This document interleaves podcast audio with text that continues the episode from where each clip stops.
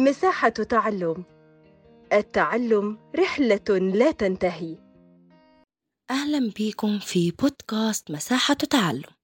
معكم دعاء حسان معلمة اللغة الإنجليزية للمرحلة الإعدادية. النهاردة عندنا ريفيجن للصف الثاني الإعدادي on Unit 1 على الوحدة الأولى في اللغة الإنجليزية. عنوان الوحدة الأولى coming home. coming home.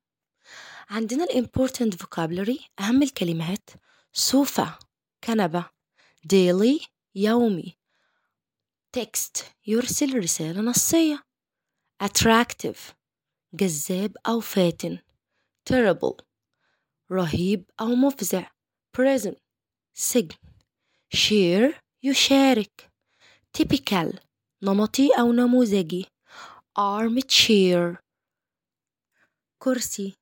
Carpet سجادة cushions وسائد أو مخدات bookshelf رف الكتب lamp لمبة mirror مرآة block of flats مبنى سكني وعندنا ال important definitions أهم التعريفات المهمة جدا أول حاجة عندنا block of flats a tall building with more than one floor with flats for people to live هو مبنى طويل أو ضخم يوجد به أكثر من شقة يعيش فيه الناس prison اللي هو السجن a place where people go when they do something wrong or bad مكان بيروحوه الناس اللي بيعملوا حاجة سيئة أو غلط. poor اللي هي فقير الديفينيشنز بتاعها not having enough money to live well. ليس لديه المال الكافي ليعيش جيدا. large بمعنى big terrible بمعنى very bad سيء جدا. وعندنا أهم ال expressions and prepositions أول حاجة عندنا وسائل المواصلات. وسائل المواصلات جميعها يسبقها حرف الجر by. For example I go to school by bus or by car. أما فترات الليل والنهار يسبقها حرف الجر in. For example زي in the morning في الصباح in the evening في المساء ما عدا night اللي هي بالليل يسبقها حرف الجر at. At night. Talk to يتحدث إلى for example who do you usually talk to at break أوكي holiday يعني أجازة يسبقها حرف الجر on بمعنى في الأجازة on holiday when we are on holiday lamp lamp بمعنى something that gives us light شيء يعطينا النور thank for بمعنى شكرا لي. يأتي بعدها الاسم أو يأتي بعدها الverb plus ing for example thank you for sending me your photo. يبقى عرفنا بعد thank for بيجي يا إما noun أو الverb مضاف إليه ing من ال important structures اللي إحنا برضو درسناها في الصف الأول الإعدادي adverbs of frequency ظروف التكرار اللي هي always دائما usually عادة often غالبا never أبدا sometimes أحيانا.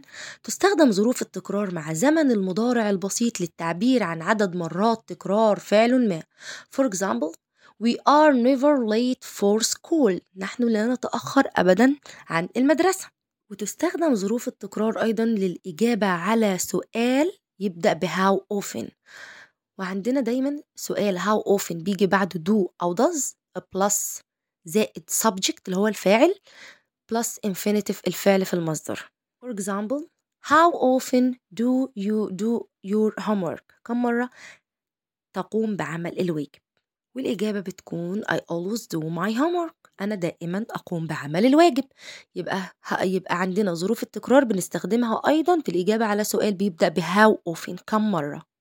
وعندنا ال revision على present simple واللي إحنا برضو أخدناه قبل كده في الصف الأول الإعدادي. بيتكون ال present simple من he و she و it plus ال verb الفعل مضاف ل s أو es أو ies بالنسبة للفاعل الجمع بتتكون من I, we, you, they plus infinitive الفعل في المصدر. يستخدم المضارع البسيط للتعبير عن شيء يحدث الآن.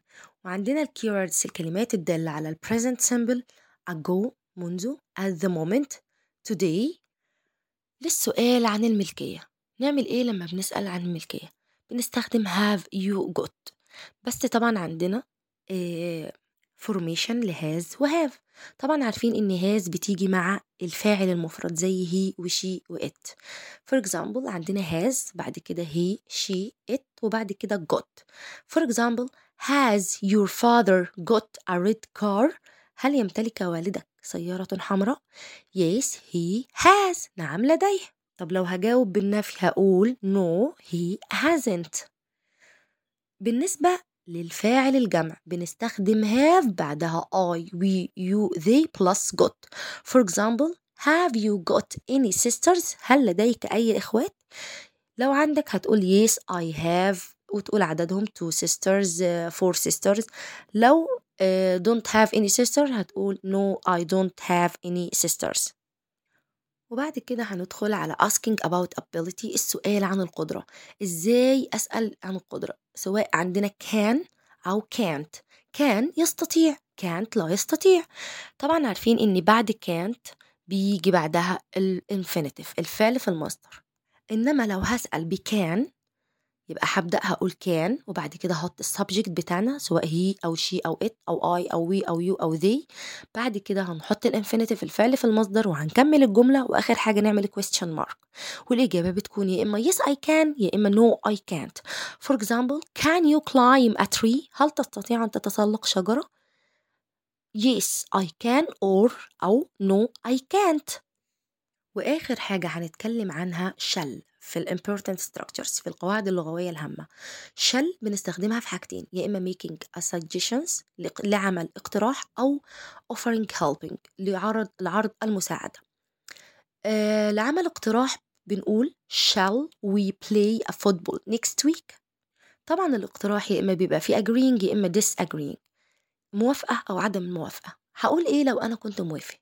يا إما yes that's good idea. نعم دي فكرة جميلة جدا لو أنا مش موافق على الاقتراح هقول no I can't I am busy أو no I am sorry يبقى عرفنا إن إحنا في الagreeing ممكن نقول yes that's good idea وفي الديسagreeing بنقول no I can't I am busy أو no I am sorry ونقدر نستخدم shall كمان في offering help عرض المساعدة for example shall I help you to carry your bag هل أستطيع مساعدتك إن أنت تحمل حقيبتك؟ عندنا أكيد في الأوفرنج هيلب بيبقى برضو accept وبيبقى فيه refusing. لو أنا هقبل المساعدة يبقى دي accept فهقول إيه؟ thank you very much. طيب لو في refusing لو أنا هرفض هقول إيه؟ thank you I can do it myself. شكرا لك أستطيع أن أفعلها بنفسي. يبقى كده نستفيد من ده كله اللي إحنا قلناه إن كان بنستخدمها في السؤال على القدرة ودايما بيجي بعدها الفعل في المصدر. بينما have you got بنستخدمها في السؤال عن الملكية إنما shall بنستخدمها في حاجتين هما offering help عرض المساعدة أو make a suggestions لعمل الاقتراحات. وآخر حاجة في مراجعة unit 1 عندنا prepositions of place حروف جر المكان. عندنا in في on على in front of أمام. next to بجانب under تحت near بالقرب من behind خلف. أتمنى تكونوا استفدتوا معانا واستنوني إن شاء الله في الحلقات اللي جاية.